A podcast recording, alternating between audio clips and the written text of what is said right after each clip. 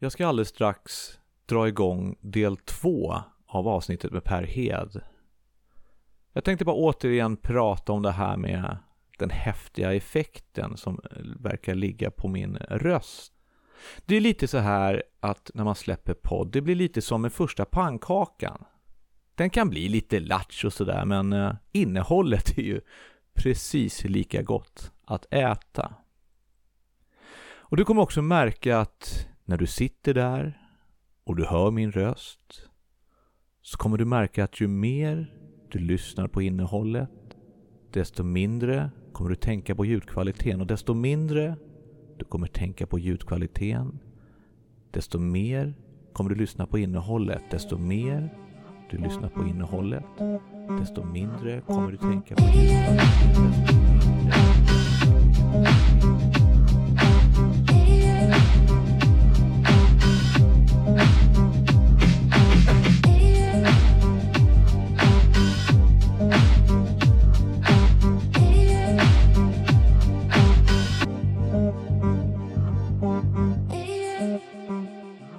med risk för att vara så här jättedjupa och filosofiska och allt sånt där. För vi skulle kunna sitta på riktigt och prata i 4-5 timmar. Men det är viktigt att förstå hur människan är byggd och du var inne på det. Vi var bara en vandrande järnstam från början. Eh, det vill säga behovsstyrda. Vi skulle hålla oss borta från fara, alltså överleva och sen skulle vi reproducera oss i princip och sen mm. växa. Sen kom ju det här med känslor, limbiska systemet, amygdala, alla sådana här saker som gjorde att vi kunde börja känna saker och sen kunde vi börja tänka rationellt och så, men vi behövde inte ha det förut, för det ändrar uppgiften. Och här har mm. inte hjärnan följt, eh, funktionen har följt med evolutionen, men det blir så orimliga saker. Istället mm. för att stå och välja en situation och du ska slåss med en björn eh, eller kuta därifrån, så istället valet om du ska käka sushi eller tacos liksom. men visst är det så? Ja, ja, det är samma det är jävla funktion, men det är så här, men kom igen. Och här måste vi liksom mm. träna om hjärnan i det här. Att, vet du vad, det här är så orimligt, det här är så oproportionerligt, mm. uh, den här funktionen. Och plus som du säger det här med, uh, den är inte designad för lycka. Nej, gärna. inte primärt designad. Nej. Vi kan träna den till det, men Exakt. den är inte primärt designad för det. Utan den är ju, uh, vi pratade ju förut om neurotiska människor och, mm. och ångest och oro och rädsla. Mm. Det är ju, egentligen så är det ju ett tecken på en välfungerande hjärna. Alltså ett välfungerande system. För att, för att uh, det är ju så här, man brukar säga kanske att ångest är stress som man tar ut i förväg och det finns olika sätt att se det här på mm. och, och liksom den, den varnar dig och att det där kan vara fel, håller borta. Mm. Men det blir också så oproportionerligt i ja. dagens samhälle där du inte blir uppäten av lejon. Nej. Så att du behöver inte vara ängslig när du går utanför porten för att det kommer med största sannolikhet inte hända liksom. Nej.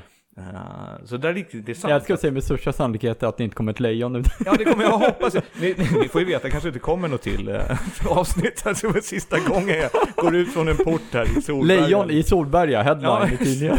Ni får läsa i... Men, men om vi ändå pratar om rädsla, om man kollar så här. Rädsla, det, det finns, nu ska vi se vem som jag tror det är Hans Rosling från början som nämner det, mm. angående rädsla, eller som sätter bra distinktionen. För över 90% av rädsla är inte på grund av att något är farligt. Men rädsla betyder att hjärnan skickar det här är ett hot, eller potentiellt hot. Jag bör i alla fall vara försiktig, eller akta mig. Men är det en riktig fara är det jättebra att bli rädd. Det super, om det kommer ett lejon så är det bra. Toppenbra. Okej, okay, har den sett mig än? Okej, okay, kan jag sticka härifrån? Kan jag, kan jag komma undan den här? Och shit, han är emot mig nu, jag kan inte springa, jag måste fightas. Liksom, det, det är jättebra att vara rädd. Mm. Men över 90% så är det ju inget riktigt hot. Det är bara läskigt för oss. Det känns läskigt, det känns skrämmande, utanför komfortzonen kanske. Och då bygger vi upp i vårt sinne, och här vi pratar om hjärnans språk då, lingvistiken, vi bygger upp, vi kan måla upp en ta en spindel, Sverige och inga farliga spindlar liksom. Så. Den där är jättebra, den, och den där men, använder men vi ju ofta. Ja, ja, men precis. Och i mitt hjärna kan jag bygga upp den här spindeln, så den ser inte bara ut som en pytteliten spindel här, utan den ser jättestor med stora käftar och, och, och den är jätteskrämmande. Och så har jag dessutom lagt betydelsen att spindlar, de måste jag hålla mig borta från. Ja, och, och, det i sin tur betyder att det måste undvikas varje pris och så vidare.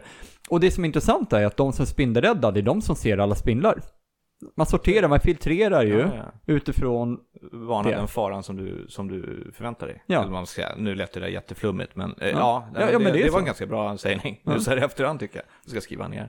Um, nej men det, det, är ju så, och där brukar jag också när jag coachar så brukar jag ju fråga, vad, vad är det du är rädd för med själva spindeln till exempel? Ja, Mm. ah, men det är ju att den ska bita mig eller den ska, okej, men, men är det rimligt? Man liksom skickar Mm. in och, de, jag brukar kalla det för att du får vara din inre matematiker. Just Så här, det. kom igen, börja vä- nu, nu får du på Ja. riktigt så här, avväga liksom fördelar, nackdelar. En reality check Ja, alltså, här, är det rimligt? Mm. Och sen så kör man ju så här andra balla tekniker som vi har lärt oss, som det är lite andra metoder. Så är det verkligen sant? Ja. Kan du veta det på ett 100%? Men det är en annan metod som vi kan prata om i ett senare avsnitt. Ja, Eh, det är ju eh, the work i princip. Just det, The Work från eh, Byron Katie ja. Ja, exakt. Men det är helt i linje med NLP. För ja, det, alla de där är ju det. en, och inte för att gå, men det finns något i NLP kallat för reframing, eller Mm. ramändring. Man, man förändrar ramen. Och kort och gott, ska man förklara det kort, det är som att om jag har en övertygelse om att jag är värdelös till exempel, jag har den.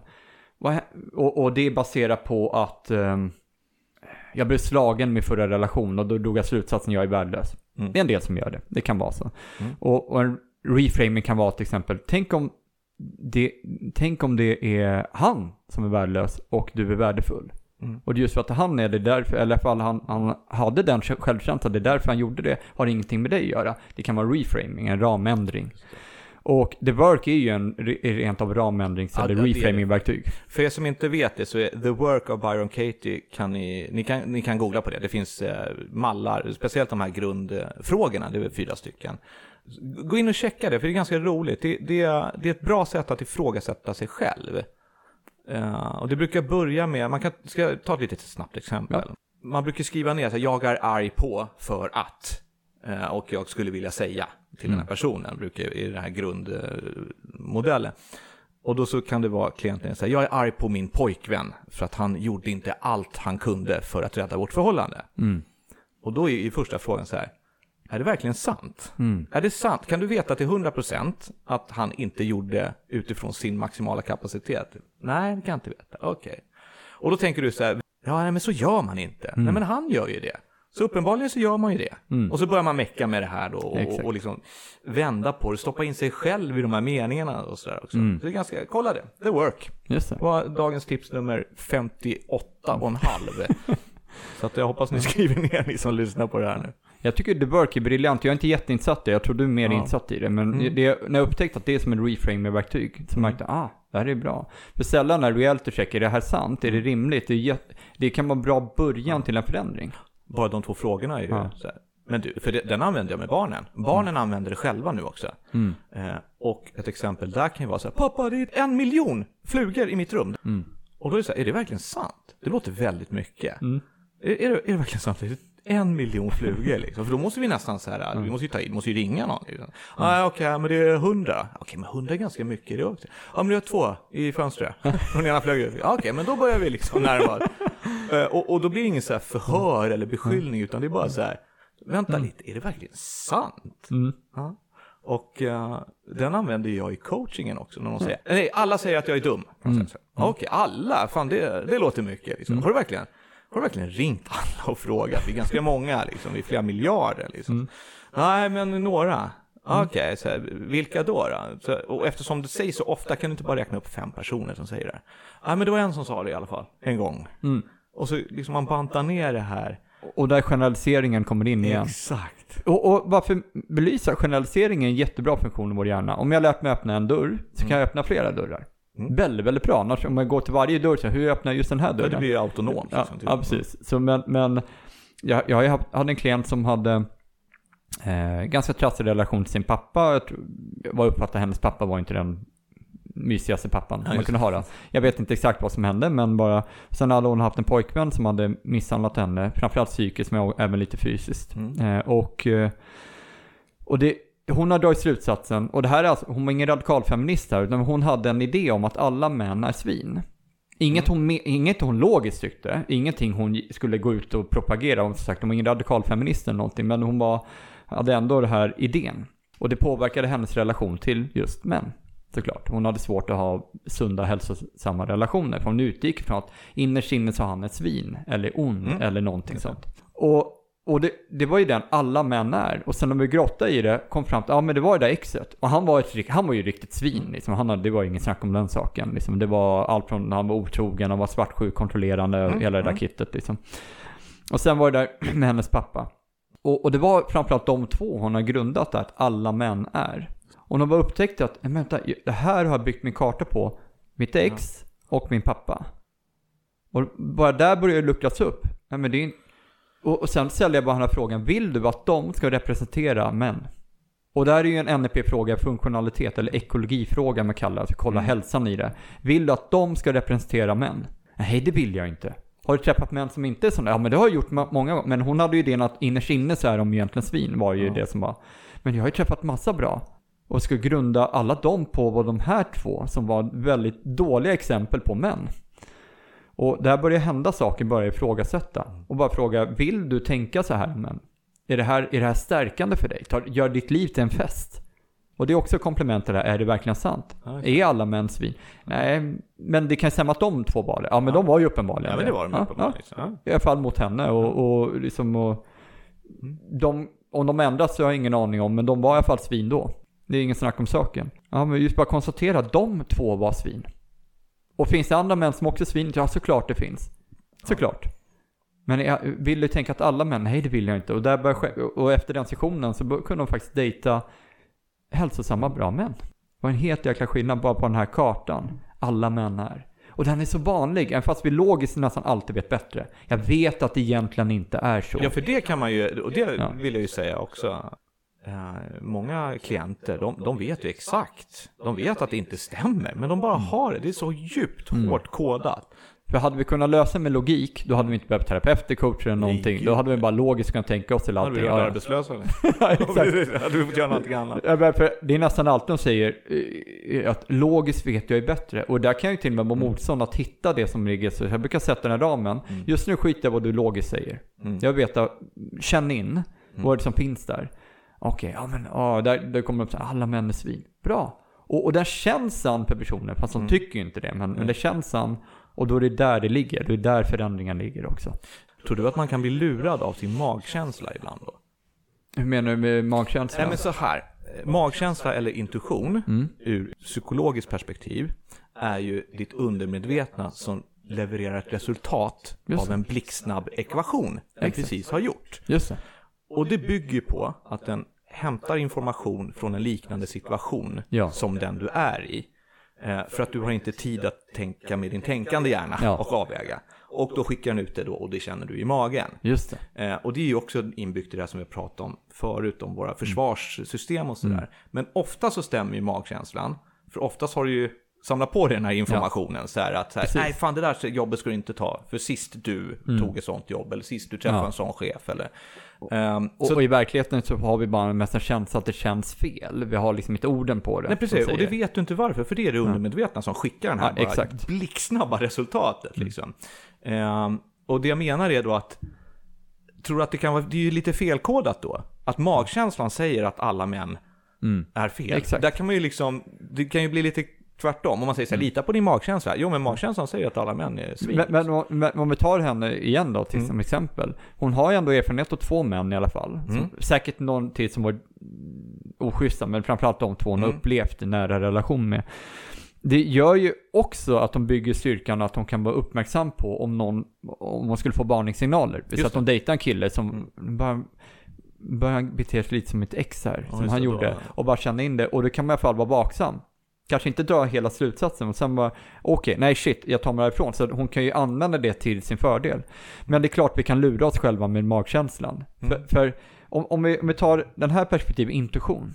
Ehm, jag har ju varit, när jag var yngre, när jag utbildade mig NLP först, så gick jag också massa kurser inom new age eller andlighet och sådana saker. Eh, Och där lärde jag mig intuition. Och nu, nu ska jag generalisera lite, bara för att förenkla lite. Men eh, jag menar inte att alla säger det här just nu. Men jag lärde mig mycket att intuition, det är bra och logik är dåligt. Om man lite hårdrar det. Ja, okej. Så. Mm. Alla säger inte det, men, men bara så här, li, lite så. Det var för den, de slutsatserna jag lärde mig av, av de här kurserna, mycket. Jag lärde mig en del bra, men mycket var mycket sånt. Pratar man om intuition, lita på din intuition, lita på din magkänsla. Men då tar man inte hänsyn till att vad bygger den på?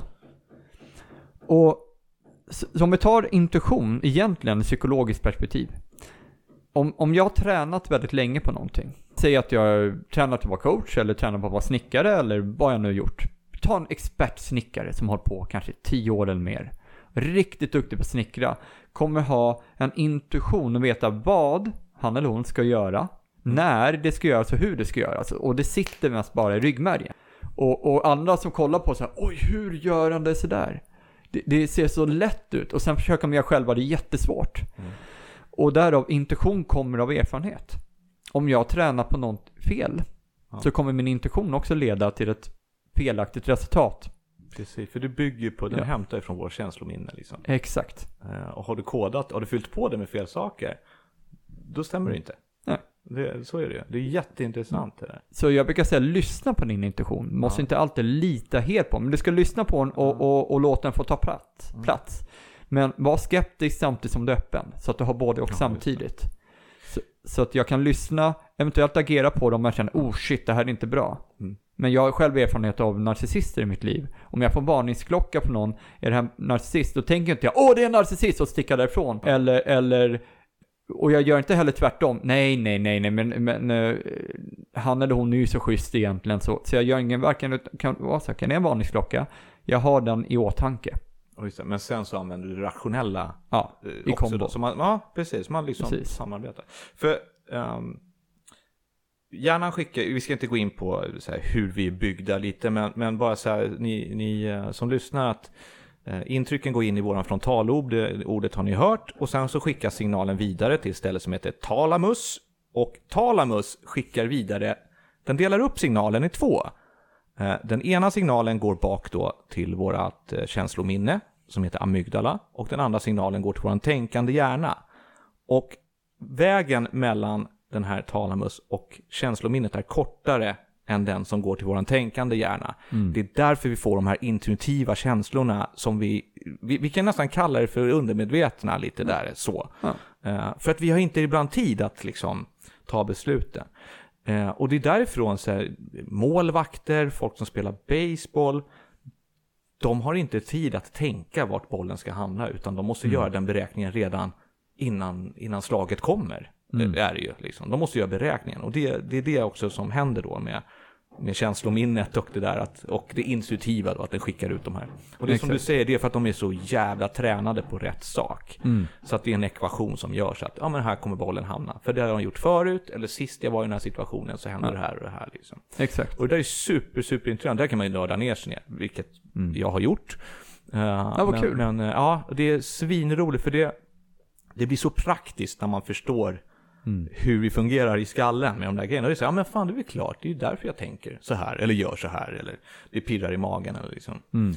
Så att eh, om, om ni har tid och, och lust också, ni lyssnare, så nörda ner er gärna. Ni behöver inte kunna varenda cell liksom, men just de här huvudfunktionerna är ganska nyttigt. Så finns det också en svensk psykolog, jag kommer inte ihåg vad han heter förnamn, Eriks, Eriksson heter han. Som forskat angående det här med kompetens och expertis och mästarskap. Mm. Och så. Man kom fram till att det tar 30 dagar ungefär att bli kompetent inom 95% av färdigheten kan bli kompetent inom, inom 30 dagar. Okej. Du är inte expert, men du är kompetent. Du kan Mm. använda det. Och 30 dagar betyder att du tränar dagligen på det i 30 dagar med feedback. Med rätt feedback, så du tränar rätt också. Mm. Och sen eh, expertis tar 10 år och mästerskap tar 30 år i snitt. Det Så bli mästare bra. på någonting. Och, och en del, de kan ju kalla sig, och det här är missvisande i NLP. Det finns ju något som heter NLP Master Practitioner. Mm. Och då tror en del, ja ah, då kommer jag vara mästare när jag går ut därifrån. Mm. Efter den, vi säger 15 dagars eller, för när jag håller ja. 15 dagar. Ja. Ehm, men jag brukar vara noga med att du kommer inte bli mästare på 15 dagar. Du kommer få verktygen för att kunna bli mästare, men bli mästare tar 30 år. Bara så att du är medveten om det. För det där är ganska roligt. Ja, för att du kan ju faktiskt, jag tror att du kan gå, en- du kan gå en practitioner-kurs på en helg. Mm. Eh, Jag har ju gått practitioner-kurs som är sex månader. Mm. Eh, Och bara där kan man ju förstå att det är olika mycket kunskap. Ja. Och då så touchar man ju på eh, också master och sen finns det en nivå som heter trainer. Det är ju för att liksom, man ska lära sig att träna andra i NLP. Ja.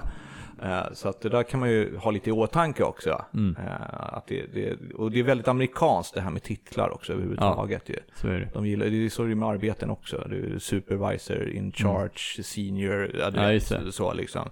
Men, eh, men det säger ju ingenting. Någonting executive och Ja, ma- manager av något In slag. charge. Men Någonting executive in Ja, charge och manager liksom. av något sådär brukar det vara. De får extra långa... Och jag är själv i guilty as charge. Jag, ja, min flickvän driver ju ett ett program då, eh, Mm. ett gruppprogram. Och där har vi precis tillsatt en community manager och en client success manager. Ja, du ser. Fan vad fancy. Jag- Jag kände nästan det, att det alltid varit så här lite anti de amerikanska titlarna, men nu börjar jag faktiskt se lite syftet med dem. Ja, Också. Jag, jag tror att jag eh, faktiskt har titeln Media Content Manager, Social Media Content Manager någonstans också, Mm. för jag är även inblandad i ett produktionsbolag. Ja, ja, ja. Eh, så att jag tror att det, men det är också för att man får anpassa sig efter klienterna. De förstår det och då får jag ju liksom Ja, anpassa sig efter deras karta helt enkelt. exakt. Hörru du, eh, nu har vi suttit och pratat ganska länge, men jag tänkte här, några, några få saker till. Ja. Eh, rent konkret, vad kan man använda NLP till? Oj, eh, alltså... Ja men bara så här, så om du skulle berätta för Eh, någon som så, är... så, så om man ska spinna vidare på NLP-modellering, men man kan ju också sätta ett annat perspektiv. NLP handlar om att, om att styra sin egen hjärna. Så är allting där det är relevant styra din egen hjärna. Mm. Så jag kan ju använda det för att, det egentligen handlar det så här. Om jag är i rätt tillstånd, alltså jag tänker och känner på visst sätt som är funktionellt, alltså Mm. det funkar i det sammanhanget eller i det jag gör. Så eh, om jag inte gör det så kan jag använda NLP för att kunna hamna i, i ett mer effektivt tillstånd där jag är.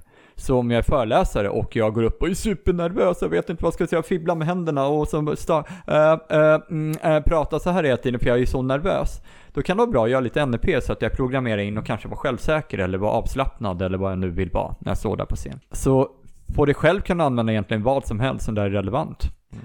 Och sen kan du använda det som coach, som terapeut, säljare.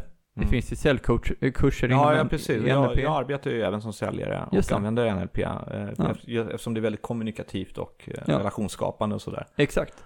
I ledarskap Mm. finns ju.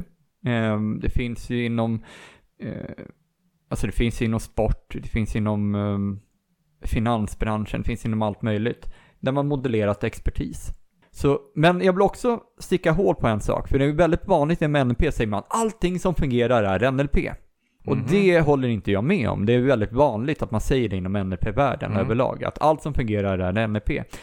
Det stämmer ju inte heller, för NLP bygger också på en grund. Det bygger på humanistisk filosofi och psykologi. Mm. Abraham Maslow och alla de här med självförverkligande drivkrafterna, även kallat positiv psykologi. Mm. Sen bygger det också på kognitiv psykologi. Och, eh, och där har du grundantaganden, den teoretiska grunden. Eh, och några grund, det, det finns typ 24 stycken Ja, tror jag lägger, jag lägger ut de här eh, grundantagandena just nu eh, som bonusavsnitt. Mm. Eh, och nu, nu när vi spelar in det här så har jag eh, lagt ut det första då. Kartan är inte samma som verkligheten. Jag tänkte ta tio stycken, de Mm. tio första.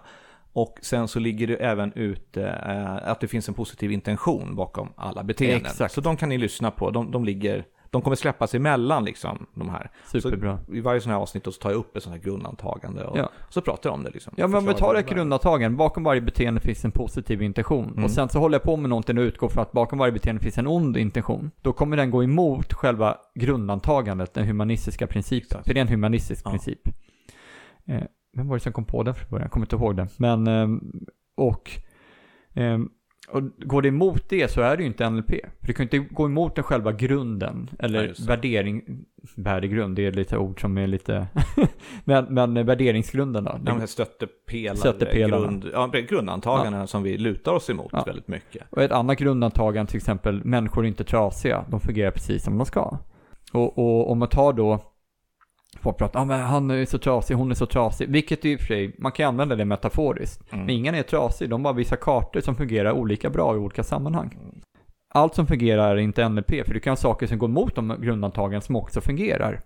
Så bara för att vi inte är arroganta, det betyder inte att NLP är inte det enda, the one and only grej Nej, som nej, funkar på nej. någonting. Men, eh, det var det. Kommer inte ihåg, jag hade någon röd tråd kring där. Ja, det kommer nog tillbaka. det är ju så att um, de här grundantagandena, det finns ju ett gäng som sagt. Och, och eh, också, en av mina favoriter är ju att det finns inga misslyckanden, det finns ju bara olika resultat. Just det. Då själva misslyckandet är ju bara ett resultat som inte blev det resultatet du förväntar dig. Men Ja. det är fortfarande ett resultat. Ja. Och det resultatet använder vi sen som feedback Mm, till att få ett annat resultat nästa gång. Och det, precis. där är ganska fint att tänka så också. Ja. Då är det så här, oj, nu fick jag ett annat resultat. Jävligt. Och jag vill säga till er som lyssnar också, bara för att vi sitter och pratar om det här NLP och vi har gått massa balla utbildningar och grejer Mm. och så här, vi, vi, vi är ju människor. Vi säger eh, också män istället för och och använder inte och allt vad fan det kan vara Mm. liksom så här. Även fast man kanske har en mer medvetenhet om hur man är tränad Mm. så, så är man ju en människa och det här är ju våran grund, liksom, Mm. kodning i hjärnan med, som evolutionen har styrt Ja. över. Men det är, man får en helt annan syn på det här med beteenden och kommunikation. Och, Mm. jag vill ju också tillägga just det här med vad man kan använda NLP till. Just det, det var där vi var ja. Eh, Man kan använda det till, eh, med fördel till att bryta beteenden och mönster ju. Mm. Och vanor och ovanor. Ja. Alltså, det med klassiska är ju så här, sluta med sötsaker, eller sluta röka. Mm. Ja. Eh, Så vi, om det inte är så att säga en vana som är toxiskt beroende, Mm. alltså drogavvänjning, då ska du ju vara på en klinik där Ja, ja, blir ja. av med gifterna. Vi kan säkert ändra på beteendet sen, så att säga, som får det, men, men det, kommer vi tillbaka Optimalt till vore ju kombo med NLP och de här läkarna och alla de här sakerna. Exakt att man så, precis. skulle ha en kombo. det. För då är det ju beteendet man ska ta bort liksom. Ja. Så att det är ingen superfix för allt i hela världen med NLP, absolut inte. Och där säger du en sak, för många tänker att NLP är bara en quick fix. Mm. Och, och oftast betydelsen av quick fix är att det är någonting som är väldigt ytligt och det går snabbt. Ja. För det första skulle jag säga att NLP när görs rätt är, inte, är långt ifrån ytligt. Mm. Det är väldigt djupgående och det är därför som det ger snabba resultat. Inte för att det är ytligt. Många tänker ytligt och därför blir det snabbt. Det borde ju vara tvärtom. Är det ytligt då kommer det inte bli ett snabbt resultat som är bestående i alla fall. Är ju- Så NLP är snabbt och bestående, men det är inte quick fix i och med att det är ytligt. Det är väldigt djupgående. Men det är många tror att det är ytligt bara för att det är så simpelt. Du har ju skalat bort allt det onödiga, så har du kvar de här modellerna och det blir väldigt simpelt. Det går ganska fort att lära sig NLP. Ja. Man kan gå en NLP practitioner. Jag har hittills hoppat 10 dagar, ska öka till 12, men 10 dagar. Du kan lära dig grundläggande NLP på 10 dagar och bli riktigt och, och du tränar på det efteråt, blir kompetent inom det, kan hjälpa människor till transformerande resultat. Mm. Betyder inte att det inte går djupt. Eller att det är quick Men fix. så är det ju, utan du gör det bara på rätt sätt. Ja, exakt. Faktiskt. Och det, ja, precis. Det säger ju ju inte att det är sämre liksom. Mm. Eh, men vad har du för syn på, man brukar ju ofta säga att inom NLP så man fokuserar mer på lösningen än problemet. Ja, just det. Alltså eh, exempel då som man brukar säga, nu snickrar de här runt. Hoppas ni hör oss ändå. Eh, att om jag ramlar i vattnet, Mm. då ligger jag inte och funderar på hur jag kom dit, utan jag fokuserar på hur jag ska ta mig upp. Ja, just det. Just det. Eh, och det är fint, men ehm, det finns många som är väldigt, väldigt fanatiska inom NLP, att det bara ska vara lösningen. Ja, du är ju Ja. oftast allt eller inget tänkande. Precis, och då tycker jag så här att det är därför vi, vi är ju väldigt många NLP-coacher som, som lite andra också. Vi kanske håller på med hypnos eller vanlig coaching eller man kombinerar det här. Mm. För att jag, man vill ju fixa traumat också Mm. eh, först och sen bota symptomet som traumat har, Mm. har orsakat. Och när jag säger trauma då så, så är det, vad brukar jag kalla det för, lättare trauma, mikrotrauman Ja, jobbar jag med. För Ja. annars ska du ju som sagt, anser jag, vara hos en psykolog eller terapeut först. Mm. Liksom. Eh, så det, och, och det är otroligt viktigt också att veta, för att annars så tycker jag i alla fall att man lämnar kvar grundproblemet. Mm. Där på skolgården när den här läraren sa någonting eller vad det nu kan vara liksom. Men det beror ju på, för att eventet är ju bara eventet. Mm. För hur jag minns saker, det är inte, troligtvis inte exakt det som hände. Ja, för det är. Mm. minnespsykologi. Varje gång jag tänker på ett minne så förändras det. Så, så vid NLP kan man jobba till exempel, vi har ju timeline till exempel. Man, Ja. kan, man kan gå in i, i förflutna så kan vi läka dem. Det är mer Mm. terapeutisk variant av NLP. Men det är det jag menar, att där Ja. går du tillbaka Ja. till, till liksom händelsen. Men, men vi kan också jobba nu att hitta kartan Mm. som, som har kommit ur den. Jag har de här slutsatserna dragit ur det och jobbar där. Utan Mm, att gå in i förflutna, går också in på roten. Och, och, och, så det beror på, man kan jobba på olika sätt. Men, men de som pratar om bara lösningsorienterade till exempel, det var där vi var inne, som Ja, bara exakt. är så. Ja. Där kan det ju tendera att bli lite ytligare. Ja, för då, då tycker jag, eller min uppfattning är att då finns det risk att det kommer tillbaka. Ja. Men- då, då är det inte borta. Liksom. För mig är lösningsorienterad, det är att hitta det riktiga problemet Mm. och hitta den riktiga lösningen. Mm. I neurosomatik har ju Michael i, vi har klassiska i NLP, välformulerat resultat. Man, man gör ett resultat, alltså mål jag vill uppnå och gör det välformulerat. Neurosomatiken har också välformulerat problem. Så verkligen formulera problemet så det blir super, alltså du får verkligen riktiga problemet och när du hittar det är det oftast jättelätt att lösa det. när vi har det riktiga. För det kan kännas som, ah det är jättemycket, det, ja men ta det här, en miljon flugor i rummet, nu Mm, blir det väldigt ja, litet problem, men Ja. en miljon flugor i rummet, att det känns så, Ja. det, det är svårt att lösa det. Ja, Uh, precis. men, men när du kom fram till, ja det var fem flugor, alright. Så fram med flugsmällan och slå, igen, slå fem gånger så, så är problemet löst. Så, så jag är stort fan av att för att vara lösningsorienterad hitta riktiga problemet. Men inte utan att gå in på till exempel en psykoanalytisk variant, att man ska gå ut och man ska förstå, man kan gå så här 10 år eller 5-10 år hos en psykoanalytiker, förstå varför allting och hela uppväxten och du förstår ju allting. Det är inte säkert att det gör en förändring för det första. Så, så, så det är någon balans däremellan. Ja men precis, exakt. Och det, ja men precis, och det var det jag var inne på också. Att jag förstår det här, den sägningen eller det påståendet att så här, Mm. man inte ska fokusera så mycket på det bakåt. Men, men eh, det stämmer ju inte fullt ut eftersom vi, Mm. vi du vet ju du också, ett av våra så här, grundverktyg går ut på att faktiskt ändra minnet av situationen överhuvudtaget. Just när vi jobbar med timeline och så här, då jobbar Mm. man med att, ja men kom ihåg hur det såg ut, kliv ut därifrån, ändra på det här, gör så här, fixa och dona. För Exakt. NLP är också väldigt visuellt ju. Eller Ja. vi jobbar ju med våra, liksom, våra inre eh, submodaliteter som det heter, vårt Ja. inre representationssystem. Hur vi Just det. föreställer oss saker i vårt, vår hjärna. Mm. Och där kan man ju faktiskt ändra minnet på hur en situation var. Mm. Eh, vilket också är väldigt, väldigt häftigt. Och det är intressant, och, och, och när folk tycker så här, men är inte det fel? Varje gång du tänker på minne så förändrar det. Mm. Men nu kan vi göra det med, och tänk på mycket så här utdaterad psykologi, när man, Mm. en del terapeuter du ska återuppleva sina trauman, särskilt så här, om det, det kan vara riktigt hemska trauman, det kan vara våldtäkt eller misshandel eller vad det nu kan vara. Och, och, och så ska man återuppleva, återuppleva det som risken är att varje gång du tänker på det så blir det värre. Mm. När du återupplever. Det som effekten kan bli att ibland, att, att det överladdas, att hjärnan släpper det. Ja, Det kan ja, ha den ja, effekten, men precis. men, Men- men, för mig är det en tortyrmetod för att hjälpa människor att släppa.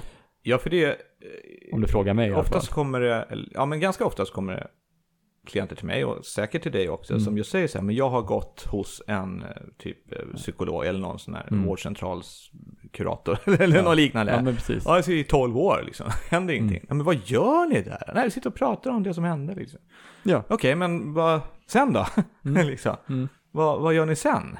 Nej, men det, de pratar om det. Ja. Hela, hela tiden. Och det här vet vi också, det här är lite så här halv, eh, halvandligt, halvpsykologiskt, men det här har ju ni säkert hört också, men det man fokuserar på växer. Ja, ja, ja, men och, och det här blir också då så här, precis. varför vill Mm. du så här, mysa med den här jävla Mm. mentala snuttefilten som du håller kvar i? Så här, det är bättre att släppa den, eller ändra på den, eller Mm. ja. Så att det där är superintressant. Och utdaterat. Det är, det, det är framförallt det, det är utdaterad psykologi, men det tar lång tid innan, innan offentliga kommer Mm. ikapp med Mm. det som är senaste. Så även, det finns även så kallade kognitiva psykologer som borde veta bättre, också kör sån där Ja. återupplevande terapi. Men så, vad håller ni på med egentligen? Det för mig är det, det, det är att göra våld på människor. Ja. Och, och där, där är jag helt, alltså, jag blir rent av förbannad när jag hör de där grejerna. För det är för att göra våld på människor som redan är i utsatt läge. Och så ska man återuppleva och göra det här allting värre. För att det kanske kan ha en positiv effekt om det överladdas. Det finns ju lite sån här häftig forskning med just procent, alltså, nu vågar jag inte säga vad, vilket, men, men eh, det, det fick jag lära mig för många år sedan också, så här, vilken procent av fallen det faktiskt Mm. hjälper och Mm. blir resultat. Och, så och det är det här som är så häftigt med NLP, istället då för att bara fokusera på en terapimetod, som det faktiskt Mm. är, så plockar man bara det bästa från KBT till exempel, ko- Mm. kognitiva, och det bästa från samtalsterapi. Hon, eh, vad heter hon, Vir- Virginia heter hon va? Virginia Satir, ja. Ja. Mm. Hon var ju så, hon var ju så kontroversiell så att hon, eh, jag läste att hon eh, hade ett par där kvinnan var ju kortare än mannen, så hon ställde ju fram en pall så de kom i samma nivå när de pratade med varandra. Hon Ah, jobbar ju ja. väldigt mycket så, Just det. kommunikativt liksom. Mm. Och det var därför hon fick så mycket pisk på fingrarna också då, för att hon, Mm. hon gjorde ju, så gör man ju inte. Nej. Så gör man ju verkligen inte. Liksom. Så att det var, det var otroligt intressant. Vi skulle kunna prata om det här i åtta år. Ja, det tror jag också. Eh, och två månader. Men jag tänkte så här, när det här släpps så är det onsdag. För det första tänker jag bara säga till er att det här har faktiskt resulterat i ett dubbelavsnitt, så det kommer släppas i två separata. Ja, ja, coolt. Så grattis ja, Per! ja, tack! Vad roligt, det var lyckas liksom. Ja, vi har hållit på ett tag, Ja, ja, ja, visst. Och eh, det är otroligt intressant. Och jag visste att vi skulle klicka också, för att jag, jag kände det på mig. Nej men du, när det här släpps, det är ju onsdag idag. Eller när, vi, när det här släpps är det onsdag. Idag är det faktiskt söndag, så att jag, jag ljuger lite för er. Eh, och det är två dagar kvar till eh, Harmoni Expo-mässan i Solna. Och det är ju Sveriges största de kallar det för alternativ, alternativa mässan. Det är väldigt mycket andlighet, det är medium och det är tarotkort och sånt där. Vad, hur, hur ser du på det här med andlighet? För vi har ju pratat mm. om nu att vi jobbar ju med kroppen som maskin ja. och sinnena och det. Har hur jag ser på andlighet, det, det är så här. Man, man kan nästan dela upp andlighet i två olika definitioner, eller två olika perspektiv. Mm. Och ett sätt som det andliga perspektivet jag själv vill ha rent personligt, fast jag har inte det pedagogiken, men det är mer här, mitt högsta syfte. Vad är min mission i livet? Vad är mitt kall? Och jag kan ju vara religiös och tänka att det här är kallet, det här är min mission jag har fått av Gud. Men jag kan ju också vara andlig, icke-religiöst andlig då. Så jag tror att men det här är universum, eller det här är kosmos, eller vad det nu är som är mig. Men jag kan också vara superstrikt vetenskaplig och känna så här, ja men jag har den här genetiska för, förutsättningarna med den här uppväxten som har gjort, gett mig de här styrkorna, de här talangerna och därav är jag mest lämpad för det här och, och det är det jag vill göra. Och oavsett, så det spelar ingen roll, du kan vilken filosofi bakom du vill, men du kan ändå kalla det andliga syftet andliga, eller som Maslow kallar det, det fullt mänskliga. För det är det som skiljer oss från andra djur. Mm. Så, och det är så jag brukar vilja se det själv, men, men eh, eh, så det perspektivet gillar andlighet, att det är mitt största kall. Mm. För det finns forskning som visar att de som har högsta syfte och lever utifrån det, det är de som också blir framgångsrika. Så, så, att det, och framgångsrika menar både inre planet och yttre planet. Mm. Sen har vi andlighet i form av så här mediala saker och healing, eller alltså healing, jag menar då som man lägger händerna på och det ska ja, ge healing, så jag menar, healing är ju läkande bara, men... Mm. men ja, men den, den ja, metoden så att ja. säga. Och, och, det är medialt och det är allt från and, eh, alltså andar och det är guider och, och mm. det är eh, sådana bitar. Och för mig så tycker jag Svårt att säga. Jag, jag, jag, är öppen för att sånt finns. jag har själv trott på sånt där. Och det är mm. allt från lagen om attraktion och det är massa sådana här principer inom den världen. Eh, och, jag, och, och, jag är öppen för att det finns. Jag är öppen för att det finns andar och guider och, och, och livet efter döden och liv före det här livet och sånt. Jag är helt öppen för det. Jag, jag stänger inte de dörrarna. Men om jag kollar funktionaliteten som är ändå NLPs själva grund, är det funktionellt, det funkar det? Så för mig funkar inte så mycket att gå runt och tro på det eh, på det sättet som jag gjorde förut. Okay. När jag var mm. yngre. Så, men det är ju det är mitt personliga val. Mm. Ja. Vad andra, jag skulle aldrig gå så här debattera för det ena eller andra. Eh, eh det finns väl andra som kan göra jag har vissa, jag, ja, jag har vissa andliga övertygelse, eller som är så här typiska inom den världen också, ja. som jag är övertygad om. För att jag väljer att vara övertygad om det, för att det är skönt för mig. Jag gillar att göra det. Ja, just det. Till exempel livet efter döden, ja. ivinnande här, det, det, är något jag har valt att tro på. För jag tycker det är skönt att känna att det här är inte det sista jag gör i min Lite existens. Lite betryggande på något ja, men, sätt. Ja, men precis. Ja, ja, och det, det gör ingen skada. Nej. Men jag skulle, aldrig, jag skulle aldrig gå och debattera för, ja men så här är det. Nej, nej. Och med mina klienter, jag skulle använda, aldrig använda den pedagogiken, att så, så här är det. Så det, min största kritik när det gäller till exempel andlighet eh, övrigt, det är att jag tycker det blir väldigt dogmatiskt. Mm. Och det kan det även vara i grenar av NLP också ibland, eller vissa utövare som gör det dogmatiskt. Och, och jag gillar inte när det blir det. Okay. Jag gillar den här öpp öppenheten att det kan vara så. Det kan också vara tvärtom, det kan, kan vara något helt eh, annat. Bara, jag tror att det finns lyssnare som inte vet vad ordet dogmatiskt betyder. Ja, ja, dogmatiskt att det är på ett visst sätt och så här är det bara. Mm. Typiskt så här, eh, kyrkor förr i tiden. Det här är sanningen och Exakt, det här är... absoluta sanningar som man kan kalla det för. Ja, ja. precis.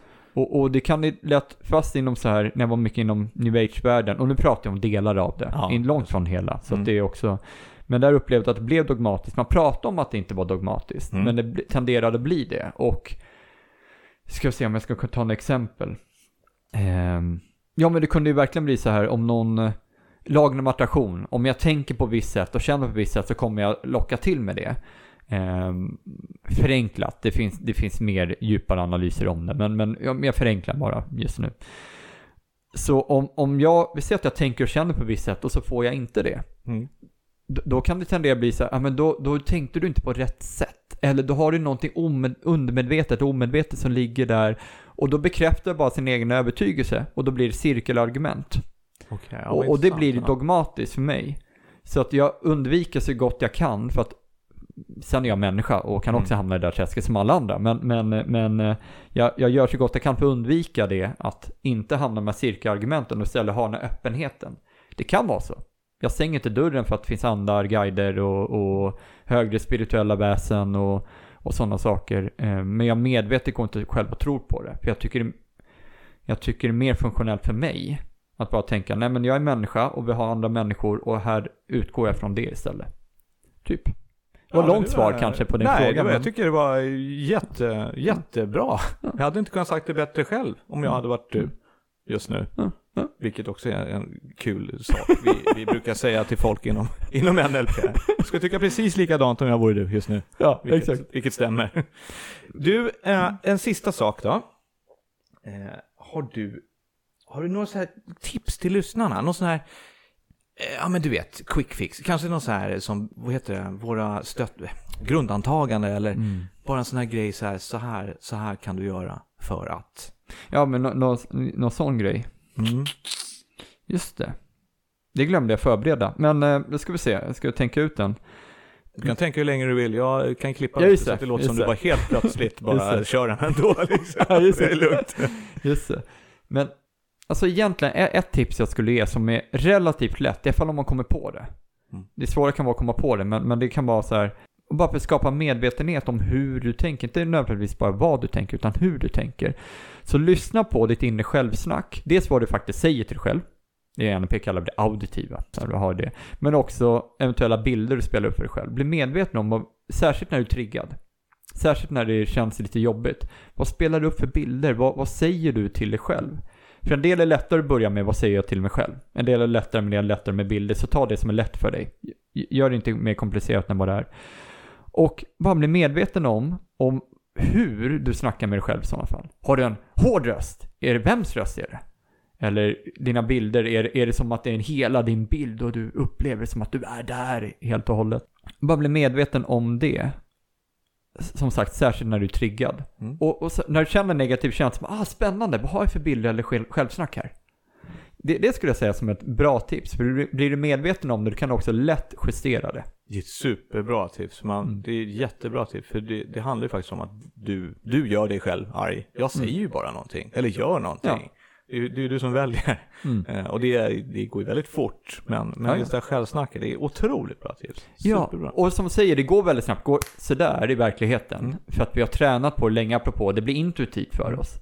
Om jag blir triggad av en viss typ av beteende till exempel, i en viss typ av sammanhang, och så har jag gjort det i 20 år, så har jag tränat in, så det går så lätt, det är intuitivt för mig, apropå intuition. Eh, så, så det vi gör när du blir medveten om att du gör processen i slow motion, och blir medveten aha, jag ser, det, den här rösten kommer, den kommer på min högra sida eller min vänstra sida, eller Eh, Och, och det är min pappas röst som låter sträng mot mig, så där gör man inte. Kanske. Och bara bli medveten om det. Och då kan du ju ändra. Vad händer om du gör om till Musse Piggs röst då?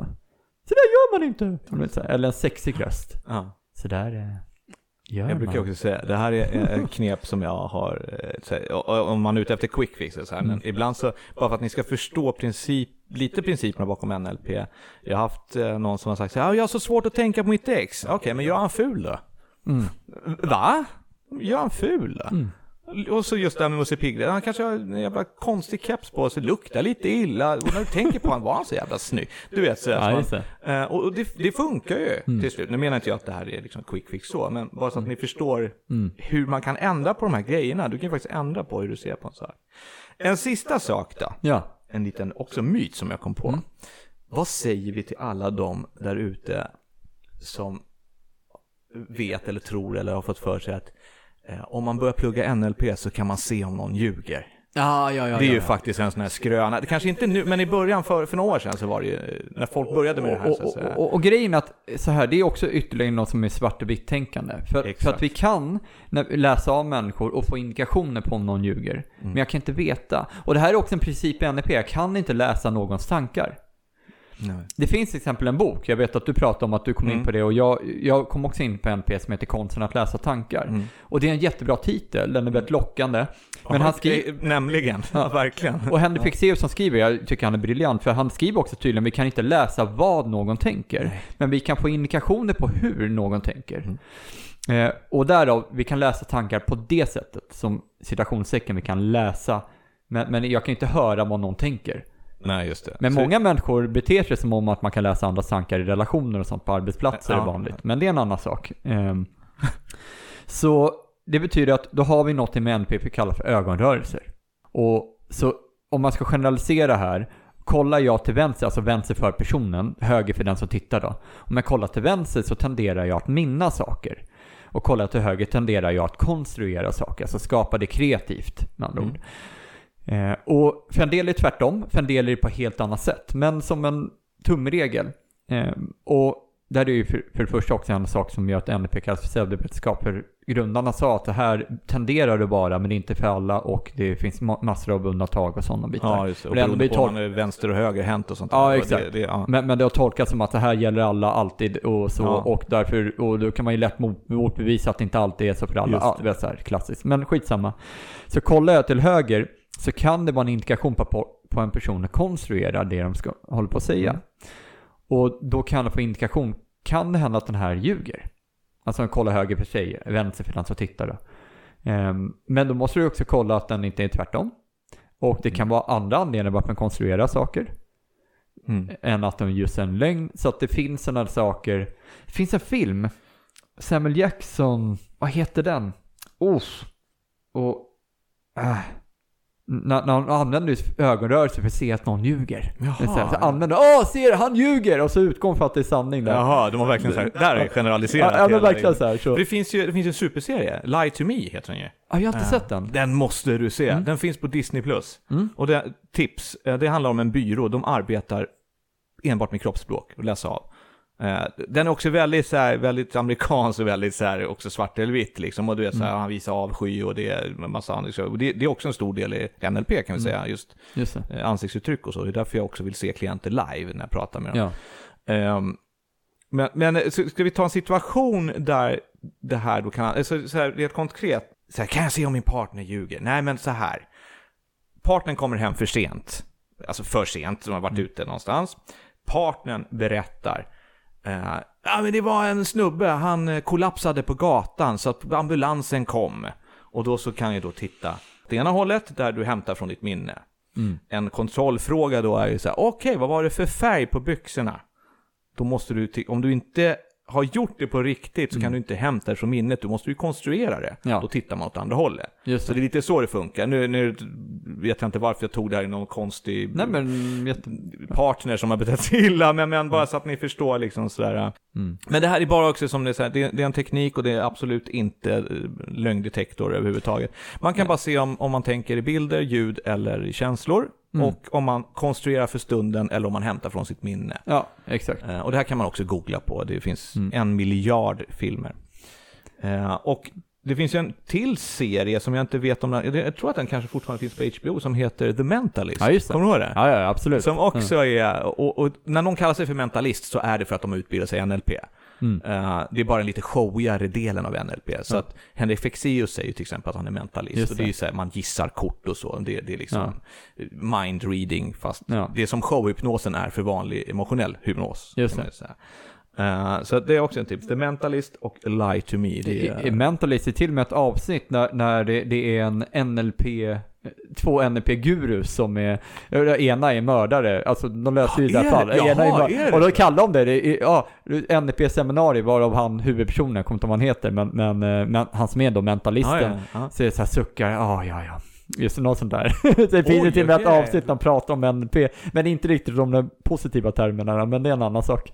Fan vad roligt. Ja, så nu har ni fått lite tips på, på serier och, och böcker och sådär. Eh, per, Mm. vart hittar man dig någonstans?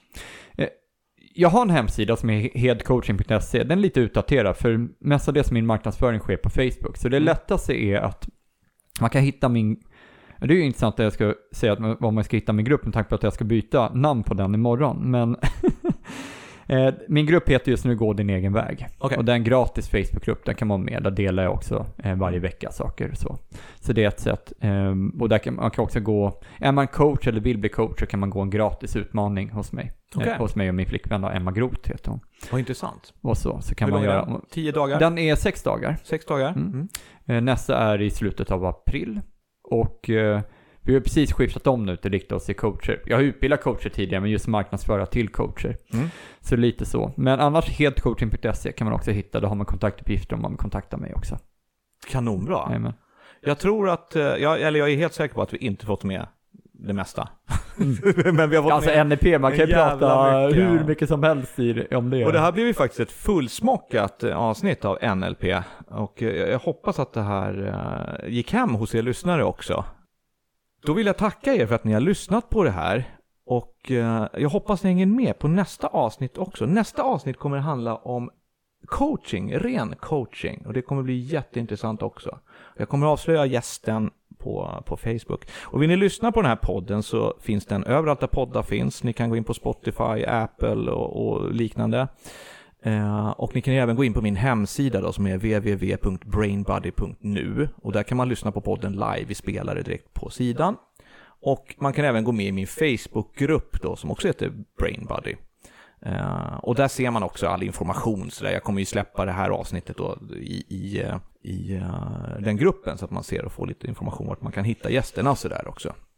Så att stort tack till dig Per. Det här var en otroligt eh, intressant pratstund. Ja men tack själv, och kul att bli inbjuden. Ja men Vad- premiär och allt va? Ja, Fint, verkligen. Här måste vi skåla i Pommaxen. Ja, ja definitivt. Skitbra. Nej men rent nöje, verkligen.